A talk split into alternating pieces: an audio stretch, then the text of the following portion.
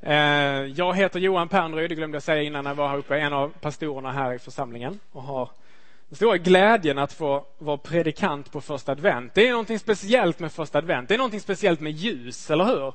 Det är mysigt att tända ljus i den här mörka årstiden när det är så grått och så trist som det ju tyvärr är här i Malmö när inte snön är här för att lysa upp. Eh, men då blir ändå advent en av de liksom så här trevligaste perioderna under hela året, tycker jag.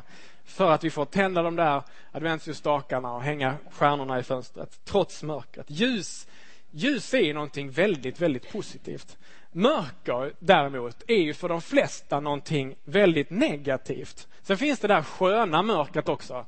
Häromkvällen så hade jag ont i huvudet och Eh, Eh, förmodligen för att ha suttit och tittat på min datorskärm när jag skrev predikan för mycket under dagen. Men då var det skönt att lägga sig i, i sovrummet på, på kvällen där och ha helt mörkt. Så det finns ett positivt mörker också. Men det finns ett mörker runt omkring oss som kan tynga våra sinnen.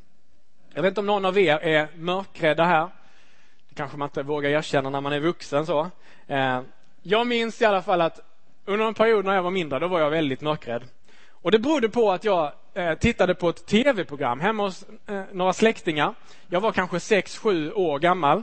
Eh, det var ett tv-program om sägner, gamla sägner. Och de berättade då om varför näckrosorna i en viss damm var röda. Jo, det var för att där hade en kvinna, ung kvinna blivit mördad ute på, på den här lilla dammen och blodet hade färgat näckrosorna rött. Det fanns andra sådana här historier då. Så kom det då till en väldigt spännande berättelse. Jag satt där som fastnaglad det var två unga killar som skulle undersöka en grotta. Ute i skogen, de hade hittat den här, det var berg och så, eller stenar och så var det en grotta, ett mörkt hål ner. Och så stannade den ena kvar uppe vid öppningen. Den andra fick ett rep runt benet ner vid ankeln här och så sa han, ja, om du rycker två gånger, då, då hjälper jag till att liksom dra upp dig snabbt om du fastnar eller någonting sånt. Och så går tiden lite grann och så kommer de där två rycken och han börjar dra då upp det här repet. Och efter en liten stund så får han upp ett ben bara avkapat. Var är resten? Blodigt. Och precis i ögonblicket efter det så kommer då ett ansikte, någon häxa som kommer liksom upp, så här, upp ur öppningen. Och jag bara blev som förstenad och var mörkrädd i flera år efter detta. Någonting att tänka på för er som har barn. att inte låta dem se vad som helst. När jag, när jag var hemma själv så eh, då, då låg jag under köksbordet. För jag kände att det där var en trygg plats. När gardin, eller duken hängde ner. Liksom. Jag kunde vara lite skyddad där. Eh, även om det bara var en liten stund. Även om jag skulle vara, mamma var, pappa var hemma och jag var själv uppe på ovanvåningen så tyckte jag det kunde vara lite läskigt. Så då var jag tvungen att ha på någon slags ljud. Så när jag sprang, jag sprang liksom från trappan fram till rullbandspelaren. Så gammal är jag. och så satte jag på Tintin-berättelsen där. Och då någonstans så, så släppte det där för då var jag inte riktigt ensam. Jag var mörkrädd. Riktigt, riktigt mörkrädd. Det finns andra mörker också. Det finns mörker runt omkring oss. I vår värld så lider människor något oerhört av fattigdom, av förtryck.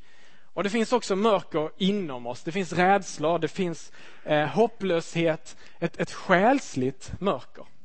Vi ska läsa en text, eh, en bibeltext ur profeten Jesaja i Gamla testamentet. Jesaja levde 700 år före Jesu födelse. Han var en av de här stora profeterna som Gud använder för att berätta om den räddning som skulle komma för Israels folk. Och Folket befinner sig där i en situation av förvirring, av förtvivlan, av mörker på ett sätt som vi på många sätt tror jag kan känna igen oss i. Eh, och det spännande är ju att detta är då 700 år före Jesu födelse. Från vers 1, jag läser första delen av vers 1, sen hoppar jag till vers 2. Men natten skall vika där ångest nu råder. Visst är det en härlig start? Det folk som vandrar i mörkret ser ett stort ljus. Över dem som bor i mörkrets land strålar ljuset fram.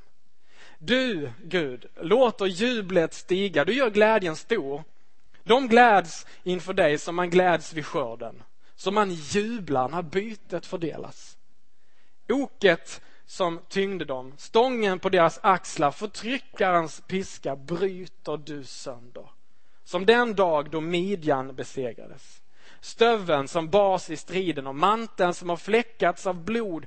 Allt detta ska brännas, förtäras av eld. Ty ett barn har fötts. En son är oss given. Väldet är lagt på hans axlar och detta är hans namn. Allvis härskare, gudomlig hjälte, evig fader, fridsfurste.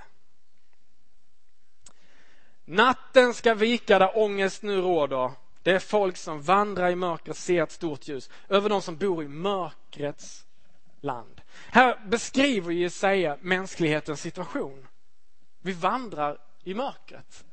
Det finns många olika sorters mörker. Vi ser mörker runt omkring oss. Ehm, vi ser sånt som vi inte känner till, sånt som vi inte har kontroll över och det kan göra oss rädda. Ehm, vi kan stå inför stora beslut. Vi ser kanske ingen väg ut och så gör vi dumma saker. Vi tar dumma beslut eller förvirrade eller kanske också av okunnighet. Ett mörker. Och vi famlar omkring i, i eh, mörka känslor kring oss själva kanske. Vi känner meningslöshet. Vi skadar andra runt omkring oss.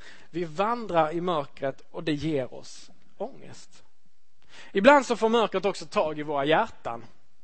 En dag för ett tag sedan när jag och Filippa, min fru, möttes hemma efter jobbet så, så berättade jag om hur jag hade haft det, om eh, Eh, hur barnen hade haft det på dagis när jag hade hämtat dem så hade jag fått höra lite grann och berättade och berättade om mina problem, mina tankar. Men jag eh, frågade inte hur hon hade haft det. Och det gick ganska lång tid och så gjorde hon mig uppmärksam på det där. Du, nu har du bara pratat om dig själv. Du har inte frågat en enda gång hur jag har det. Och hon hade helt rätt. Men jag svarade på något liksom lamt sätt eh, och, och liksom en försvarande replik för att jag hade ju faktiskt haft det väldigt jobbigt och sådär. Så tänkte jag efter en liten stund hur, hur lamt det där verkligen var. Jag skulle kunna reagera mycket, mycket bättre. Och så kom den här lilla rösten inom mig som sa, du kunde ju sagt, ja, det där var verkligen okänsligt. Självupptaget, förlåt mig. Och så sa jag till den här lilla rösten att jag gillar inte det här svaret, har du någonting annat? Jag var på väg hem i bilen Eh, hade väldigt bråttom och det var mycket trafik också. Så var det två filer som går ihop. Ni vet sådär som man ska ha sån här blixtlåskörning där man varvar. Och så var det en bil som var i andra filen. Den var egentligen bakom mig, men han vägrade släppa in mig. Och då blev jag sådär, äh, jag ska inte ge mig. Och försöka. Men till sist så fick han ändå komma före. Och jag var så irriterad, liksom kokade. Jag höll ögonen på var den där bilen var i flera kilometer liksom. För att hitta något, någon möjlighet på att kanske kunna, kunna ge igen. Och då kom jag på att jag är ju inte själv i bilen. Barnen är med. Ester satt ju visserligen med, med ryggen mot fönstret, liksom, så hon såg inte så mycket. Men, men, Joel satt ju där bak också. Han såg precis alltihopa. Lärde sig av sin pappa hur man ska köra bil, hur man ska, hur man ska göra livet. Liksom. Vad ska jag säga till min son? Tänkte jag. Då kom den här lilla rösten. Ja, du skulle kunna säga Joel, jag, jag har kört och bara tänkt på mig själv och burit mig enormt omoget ut, åt. Omoget åt. Eh, och jag är ledsen att du skulle behöva se det. Och så tänkte jag att jag ska sluta fråga den här rösten vad jag ska säga. Jag vandrar i mörker på olika sätt. Och ibland så drabbar mörkret oss också utifrån. Kanske brottas du med någonting som får dig att känna dig uppgiven, kanske rent av värdelös. Kanske upplever du förtryck för att du är ung, för att du är kvinna eller för att du inte är ursvensk. Det kan vara så många olika saker. Kanske är det sorg, kanske är det förtvivlan, över livets smärta och orättvisor. Ett själsligt mörker. Och som om det inte var nog med det, allt vi har i oss och i vår närhet, så lever vi också då i en värld med ofattbara orättvisor. Fler barn och kvinnor och män är idag slavar än under den här transatlantiska slavhandeln på 1600 och 1700-talet. Det är fler människor idag som på olika sätt lever under slaveri. Man har beräknat att för samma summa pengar som eh, USA shoppade dagen efter Thanksgiving, ungefär lika mycket som vår julhandel eh, beräknas landa på. För samma summa pengar skulle vi kunna ordna tillgång till rent vatten för hela världens befolkning. Resurserna finns. Vi har liksom en bättre värld inom räckhåll. Men det kostar för mycket. Vi får så mycket rapporter också om sånt här att vi nästan blir immuna. Vi orkar inte lyssna. Och så länge våra egna liv är hyfsat okej okay, så vänjer vi oss liksom vid att leva i mörkret. Men Gud vänjer sig aldrig vid världens mörker. Och så finns det här mörkret också hos människor som vet att det är rätt eländigt i världen men som säger att Nej, men det där är någon annans problem. Jag vill egentligen inte läsa om det här. Jag vill inte tänka på det. Jag vill absolut inte göra någonting åt det. Det är synd att de har råkat illa ut, men det är inte mitt problem. Jag måste ta hand om mina egna problem först. Och så här säger Jesus i Johannes evangelium kapitel 3, vers 19. Detta är domen, att när ljuset kom in i världen, då älskade människorna mörkret mer än ljuset, eftersom deras gärningar var onda. Det är rätt mörkt i vår värld. Men detta mörker är på något sätt ändå kontexten, sammanhanget för jul. När det är som allra mörkast, då vänder det. Så är det också i vår årstid. Den 21 december då är det, eh, vad heter det, vinterdagjämning. Ja, det är som mörkast då. Solen står som lägst. Men då vänder det. Och det är då vi firar jul. Symboliskt, självklart. När allt hopp verkade vara ute, då kommer julen. Absolut jul. Det är budskapet. Gud griper in. Men det handlar inte bara om då, att det hände en gång för länge sedan, utan det handlar också om nu. När allt hopp verkar vara ute, så har Gud en utväg. Och han säger, jag vet hur det är. Jag vet hur du har det. Och jag kan hjälpa. Och det är vårt hopp, det är vår tro. Och så beskriver Jesaja då den glädje som Gud ska, eh, ska eh, möta hos folket för, på grund av det han gör. Och I vers 3 så står det, du låter jublet stiga, du gör glädjen stor. De gläds inför dig när man, som man gläds vid skörden. Vad är det de jublar för? Och just det här lilla ordet för finns i grundtexten i början av de tre följande verserna. Varför jublar man? Jo, för oket som tyngde dem. Stången på deras axlar, förtryckarens piska bryter du sönder. Som den dag då midjan besegrades. Gud ska göra slut på förtryck och slaveri.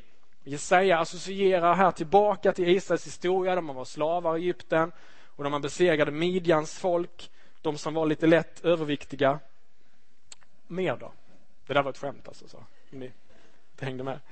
För vad då mer? Jo, stöveln som bars i striden manteln som har fläckats i blod. Allt detta ska brännas, förtäras av eld. Kläderna som bars i krig, det ska förstöras. Inte ens minnena av kriget, av våldet ska finnas kvar. Här talas det om fred, om riktig fred. Och så det tredje, för ett barn har fötts. En son är oss given och väldet är lagt på hans axlar och detta är hans namn. Alvis härskare, gudomlig hjälte, evig fader, fredsfurste.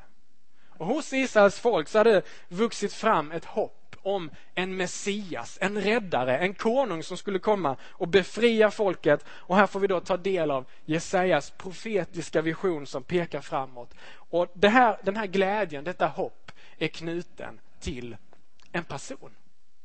Till ett litet barn.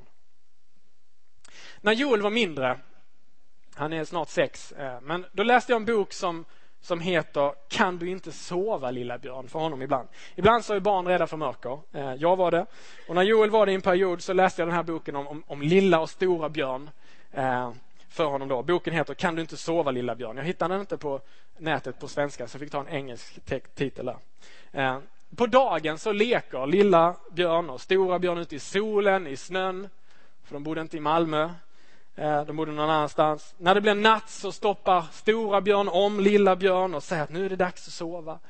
Men lilla björn kan inte sova, han är klarvaken. Kan du inte sova lilla björn? undrar stora björn. Nej, jag är rädd. Varför är du rädd? Jag är rädd för mörkret. Vilket mörker? Mörkret som finns runt omkring. Och så lägger stora björn märke till att det faktiskt är mörkt i en del delar av grottan. Så tar han fram en liten lampa och så säger nu kan du sova. Nu är här ljust. Men lilla Björn kan inte sova och han vänder och vrider på sig och Stora Björn testar en större lampa och deras samtal upprepar sig och Stora Björn tänder den allra största lampan han kan hitta och för fjärde gången så har de samma konversation. Kan du inte sova lilla Björn? Nej, det är för mörkret. Och Stora Björn säger, men här är ju helt ljust inne. Och då säger lilla Björn, nej men det är mörkret där ute. Och så pekar han ut utanför grottan. Och Stora Björn tar upp lilla björn och så säger han, vi går ut. Va?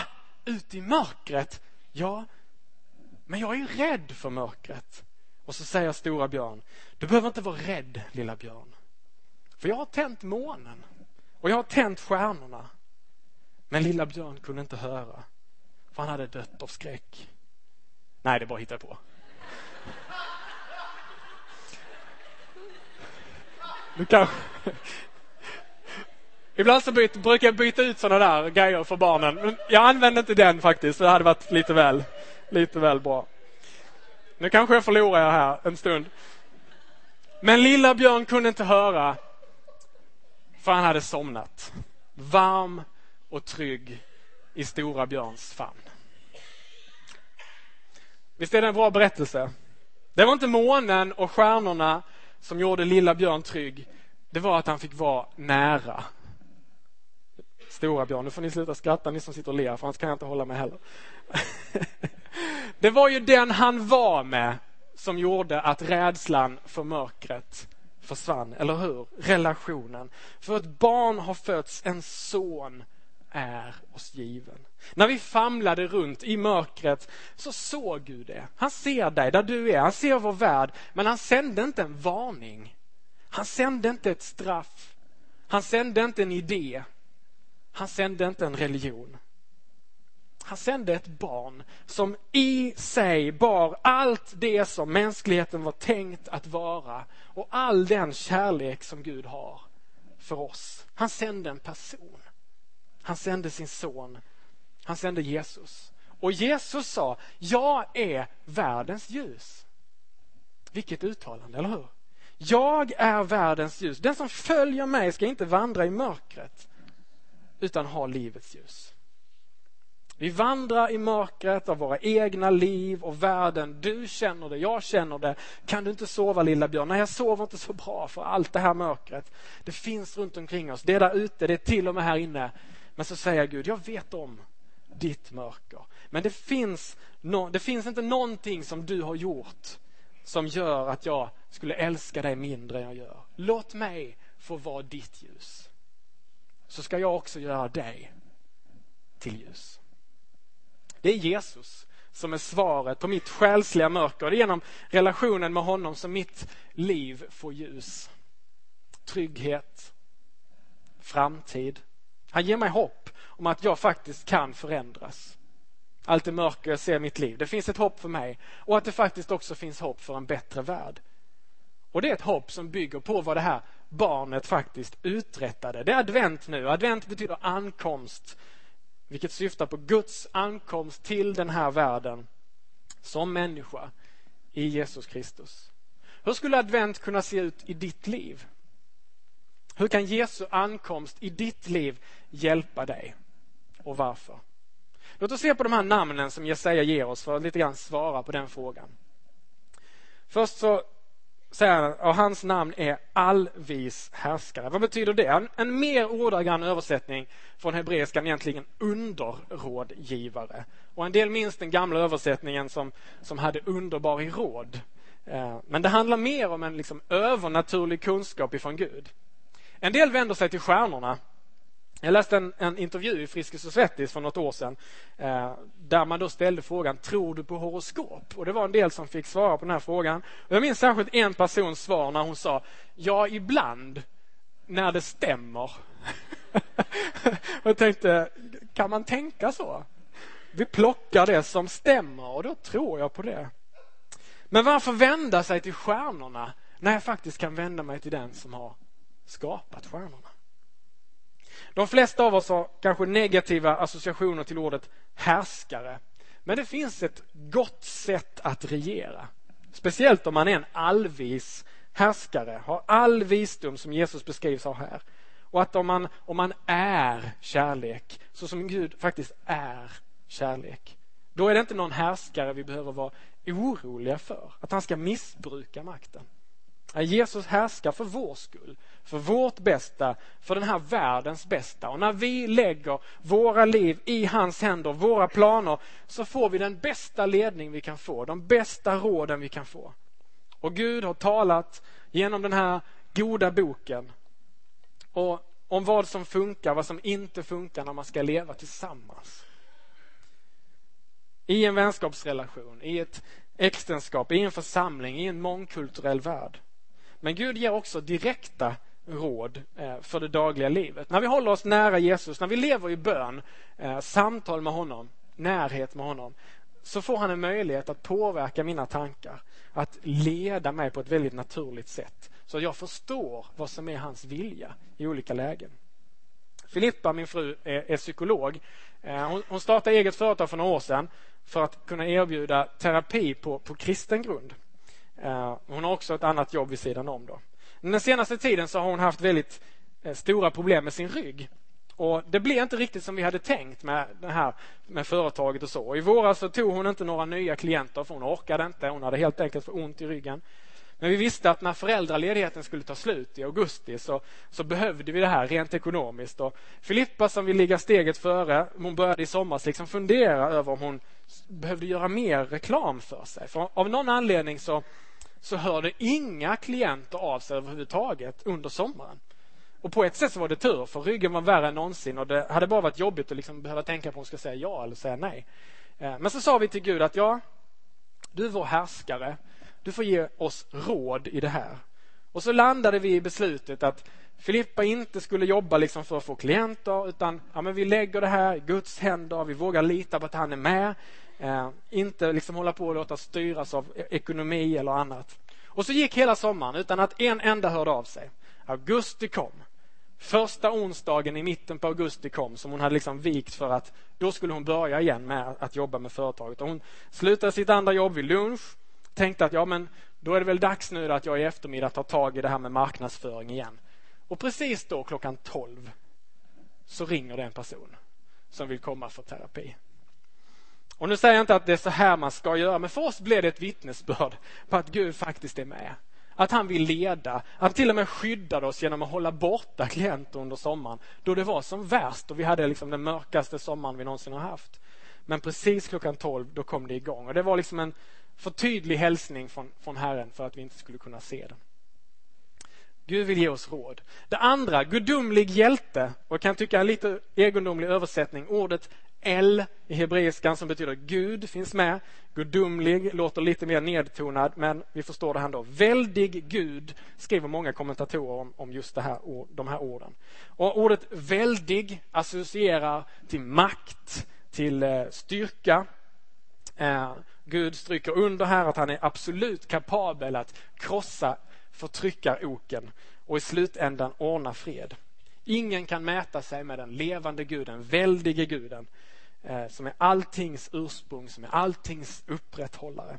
Men det är också intressant hur, eh, hur, hur det lilla ba sårbara barnet kopplas då ihop med Guds makt. Eh, ifrån vår världs sätt att se på det så är det nästan en omöjlig ekvation. I vår värld så bygger makt på styrka, på dominans. Men Jesus kommer inte för att dominera, för att återkoppla till förra namnet. Denna väldige Gud har ett helt annat sätt att tänka. Han kommer som det lilla barnet. Han kommer för att tjäna, för att ge sitt liv, för att ge kraft in i det sköra och brustna. Och mitt där i mörkret så kan ljuset lysa som klarast och kraften vara som starkast. Ibland agerar Gud inte så som vi tänker att han skulle göra. Utan vi tänker att han ska agera mäktigt och stort. Men ibland gör han inte det. Och Jag ska berätta alldeles strax om en familj som jag känner. Men först bara kort nämna om nästa namn. Evig fader. Eh, fader talar ju om Guds omsorg om oss. Guds omsorg för de hjälplösa, de faderlösa, de föräldralösa. Men också deras respons tillbaka. Vi får möta honom som, som fader, som moder, som förälder. Återigen, det handlar om så mycket ömhet, så mycket tillit i relationen till Gud. Det är inte alla som kan tänka positivt, kanske kring begreppet fader eller moder heller för den delen. Men den föräldragestalt som träder fram i Bibelns beskrivningar är allt vad man vill en förälder ska vara. Och som jag sa, ha ett särskilt hjärta för de utsatta. Inte bara här och nu utan också då i evighet, evig fader. Och där han finns, där är inte det mörka längre mörkt, utan där är det ljust. Den Gud som vi hoppas på har en oändlig omsorg om var och en av oss. Jag hade predikat i en församling som jag känner ganska väl, det här är ett tag sedan. Eh, och efteråt så kom en man fram till mig. Och jag visste vem han var, även om jag inte känner honom så väl. De senaste 13, kanske 14 åren så hade han inte varit så aktiv kyrkobesökare. Eh, och jag visste att hans andra barn, en son, tidigt drabbades av en obotlig sjukdom. En sjukdom som så småningom, trots mångas förtvivlade bönerop, tog hans liv. Han blev sex eller sju år gammal. Och nu var pappan mer aktiv i kyrkan igen efter att ha gått en alfakurs och på något sätt hittat tillbaka till tron. Men så kom han fram till mig och så hälsade han och så sa han, ja, du, du pratar en del om barn i din predikan och så. Men kan du förklara varför vår son fick lida så mycket som han gjorde? Och jag sa att jag lite grann kände till deras situation och så, så fortsatte han och berättade att hade han bara sluppit lida så mycket men läkarna sa att varje fas i den nedbrytande sjukdomsprocessen varade längre än vad som var vanligt. Och man undrar ju, sa han, hur kan Gud tillåta något sånt? Och vad svarar man? Jag kunde inte mer än liksom lyssna, visa min respekt, min medkänsla till denna man som hade varit nedbruten av sorg i så många år. Men så sa han, även om vi var förtvivlade och helt upprivna av sorg och smärta, så var det inte så för vår son. Han kunde stå och hoppa upp och ner på samma plats när han var för svag för att springa omkring. Och så sa han, så bra jag har det. Så bra jag har det. Och vi läste godnattsagor för honom varje kväll. Men i slutet, säger pappan, så ville han bara att vi skulle läsa ur barnens bibel. Och den enda berättelsen han ville höra, det var den om Jesu korsfästelse. Och när han knappt kunde prata i slutet så stammade han ändå fram det han ville höra. Korset, korset. Och vi läste om och om igen om korset. Och både mannen och hans fru stod där nu och vi grät tillsammans. Men på ett förunderligt sätt så upplevde jag ändå, mitt i allt detta tragiska, Guds frid. Och när de såg tillbaka i backspegeln så såg de att Gud hade burit deras son. Och hans upplevelse av att vara buren, det bar också dem. Och deras förtröstan på Gud fanns ändå kvar, trots frågorna, trots att det hade tagit tio år att bearbeta detta. Men så fortsatte han. Det hände också att vår son vaknade på nätterna, ropade för oss för att han ville prata. Och några gånger så hände det att han undrade om vi såg ljuset i hans rum. Men vi såg inget. Och några tillfällen så undrar han också, mamma, pappa, Känner ni honom, han som var här? Men vi hade inte haft någon gäst i vårt hem, säger de. Ibland förstår vi inte.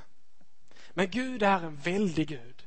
Han är mäktig och ger kraft och ljus in i det mörkaste mörka. Men inte via en idé eller ett program, utan genom en person. Genom närheten med Jesus, evig fader, så upplevde den lille pojken sin himmelske faders omsorg. Sista namnet, fredsfurste. Frid och fred kommer från samma ord, både i grekiskan och hebreiskan. Och det är ordet shalom i hebreiskan som har ett mycket, mycket vidare eh, det, det, har, det, är mycket vidare i sitt begrepp och det står för ordning, fred, frid, harmoni på, på alla plan. Och det här barnet som kommer, kommer med harmoni. Och vem behöver inte det? för sitt inre liv men också för vardagen, för alla relationer. Och den här världen som är så orättvis i sin obalans mellan rika och fattiga, mellan starka och svaga. Jesus vill hjälpa oss med detta. Efesierbrevet säger att Jesus är vår fred. Han är vår fred med Gud. Och en del av er tror jag behöver höra det idag. Det här är ljuset för dig, för ditt mörker. Du kan kliva in i ljuset idag. Oberoende av vilket mörker du står i eller mörkret du har inom dig så kan du be Gud, jag vet att det finns mörker inom mig. Jag förstår att Jesus kom för att vara världens ljus och jag förstår att han dog på korset just för mitt mörker, min synd. Och jag vill ge mig själv till dig. Ta emot din förlåtelse och kliva in i ditt ljus. Det är enkelt att be den bönen. Du kan leva i ljuset, det är Guds löfte. Den som vandrar i mörkret ska se ett stort ljus. Det är julens hopp. Det finns ett ljus i mörkret och det är goda nyheter. Men det här ljuset vill han inte bara tända inom dig, utan han vill också tända det i världen. Hur då? Ja, hur uträttar Jesus sitt verk idag? Han verkar genom oss. Genom att vi hjälper varandra förstå vad som är Guds vilja för hur vi lever i gemenskap. Genom att han, han, använder dig och mig och våra resurser till det han vill uträtta och förändra i vår omgivning. Vi är Jesu kropp idag, det är vår kallelse. Ni är världens ljus, sa Jesus till sina lärjungar. Hur kan du vara ett ljus i din omvärld? Och jag vill ge dig några förslag. Eh, ett väldigt konkret som jag ska avsluta med Eh, som en, en satsning som Immanuelskyrkan gör just nu. Och så på din, den här lappen som kanske du har fått. Om det inte fanns på din stol och du har en så, så ska det finnas fler ute i foajén efteråt. Här finns det eh, tre olika organisationer, hemsida till dem där du kan läsa mer om dem, som du kan, om du vill, engagera dig i. Det finns klart ännu fler organisationer som gör fantastiskt bra arbete, men det här är tre stycken som jag tror på, som jag stöttar. Eh, det första är International Justice Mission. De jobbar för mänskliga rättigheter genom att ge rättvisa åt offer för just slaveri, för sexuellt utnyttjande, andra former av, av eh, våldsamt förtryck. Och miljoner människor, människors liv befinner sig idag i orättvisans grepp. Och som jag sa, fler idag lever under slaveri än under eh, slaverihandeln på 1600 och 1700-talet. Trafficking, pedofili, förtryck av kvinnors rättigheter, eh, rättigheter till arbete och utbildning. Och IJM, International Justice Mission, de jobbar för att rättvist system, system ska få fungera så att de som bäst behöver det ska få skydd av lagen. Man ger omedelbar hjälp till de utsatta. Man sätter press på potentiella förtryckare. Man ordnar eftervård för de utsatta och strävar efter att förändra destruktiva strukturer i samhället. Och man är verksamma i Kambodja, Filippinerna, Thailand, Indien, Kenya, Rwanda, Uganda, Zambia, Bolivia, Guatemala, Honduras och Peru. Ni kan läsa mer om det på hemsidan. Eh, World Relief samarbetar med lokala kyrkor på plats för att förändra för de mest utsattas ekonomiska, sociala och andliga situation. Man jobbar på fyra kontinenter för att betjäna de mest utsatta då, genom mödra och barnvård, genom aidsarbete, genom utbildning för barn, jordbruk, hjälp till det, mathållning, katastrofhjälp och mikrofinansiering. World Relief. Och sist eh, EFK internationellt som är det samfund som vi är kopplade till i Immanuelskyrkan. Eh, vi vill bidra till att förändra människors villkor och fullfölja Guds tanke med församling genom sociala projekt, evangelisation och ledarträning. Och visionen som man kan läsa mer om på hemsidan är växande församlingar som förmedlar hela evangeliet till hela världen. Och man samarbetar med lokala församlingar, därför ser arbetet ut lite olika på olika platser. På hemsidan kan man just nu läsa om, om eh, arbete bland järnvägsbarnen i Calcutta, Indien. Och det konkreta exemplet då? Jo, Immanuelskyrkan kommer att göra en julinsamling och vi börjar idag till behövande kvinnor i Malmö och Köpenhamn. Och det är den kristna föreningen Sisters International som har bett oss om hjälp att fylla 150 kassar med diverse användbara artiklar. Eh, kassarna kommer att distribueras till kvinnor på, på olika boenden, till hemlösa, till kvinnor som lever under svåra omständigheter. Och förutom Immanuelskyrkan då så är Pingstkyrkan också med i detta och försöker samla in ytterligare 150 kassar. Så 300 kassar samtidigt. Tidningen Junia kommer att stå för en trevlig tygkasse. Och när vi får den så finns där en specialtidning med några intervjuer med kvinnor som bland annat Rita som finns med här i församlingen.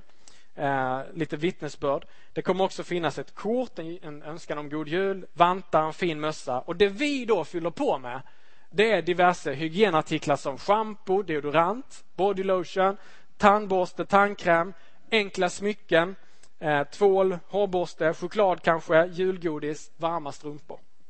Och om du inte har möjlighet att köpa de här sakerna så köp så många du kan och så kompletterar vi med det som fattas efteråt. Hur går det då till? Jo, idag och nästa söndag, första och andra advent, så kommer folk efter gudstjänsten stå här utanför i foajén och nere vid serveringen med en Coop-kasse. Det är alltså inte den kassen som sen ska delas ut, utan nu är det bara tillfället. I den kassen så finns den här inköpslistan. Brev om hur det här går till, där du kan få den här informationen en gång till. Så tar du med dig den här kassen hem. När du går och handlar den här veckan så fyller du på med de här artiklarna och så den andra advent och tredje advent, alltså nästa söndag och söndagen därpå, då tar du med grejerna hit och vi samlar in dem i foajén i samband med gudstjänsten och direkt efter den tredje advent i den veckan så ska vi distribuera det här, vi ska packa om det och sen distribuera det här till, till eh, de som behöver det. Och vill du vara med och packa också så får du jättegärna säga till mig. Ett väldigt konkret exempel på hur du kan vara ljus i Malmö idag genom att ge en julklapp till de som allra mest behöver det. För att knyta ihop det här, vi ska be en bön och så ska vi också avsluta med en sång tillsammans. Eh, vi, vi vandrar i mörkret ibland och du kanske befinner dig i ett mörker där du behöver Guds ljus, där du behöver Jesus. Och Jag vill inbjuda dig till förbönsplatsen eh, när vi är klara här, när vi bett en bön och lovsångsteamet kommer fram för att leda oss i lovsång. Då kommer det finnas folk som vill be för dig där. Be att Guds ljus kommer in i ditt liv, lyser upp det mörka. Han kan göra det. Men ett sätt kan också vara att du konkret gör någonting. Att tända ett ljus för någon annan, då händer det också någonting med mig. Kanske är det kassen, kanske är det någonting annat. Ett väldigt konkret exempel på hur du kan tända ljus. Ska vi be en bön? Och lovsångsteamet välkomna fram. Och så ska vi avrunda med lite sång. Tillbe han som är livets ljus, världens ljus. Han som är evig fader, fridsfurste, fredsfurste, väldig Gud, underbar i råd eller allvis härskare. Han har allt det vi behöver och han kan tända det ljus som lyser upp ditt mörker. Vi ber tillsammans. Tack Jesus Kristus för det du har gjort. Tack för julens budskap Herre om att när det ser som mörkast ut, då kommer du ändå med ljus. Du är världens ljus. Vi vill bekänna det. Vi vill följa dig, Herre. Och Du har också sagt att den som följer mig är världens ljus. Vi vill vara det, Herre. Vi vill inte bara ta emot för vår egen skull, utan vi vill vara med i ditt arbete för att den här världen ska bli en bättre värld att leva i. Vi vill vara med och tända ljus, små ljus, stora ljus för människor som behöver det i vår stad, i vår närhet, men också över hela vår värld. Och nu vill jag be att du talar till våra hjärtan, Herre. Nu vill vi lyssna till dig. Du som ger oss råd om vad du vill att vi ska göra. Vad du uppmuntrar oss, vilka steg du uppmuntrar oss till. Så vi bara tar en liten stund och ber. Heligande kom och tala till oss. Kom helige Ande.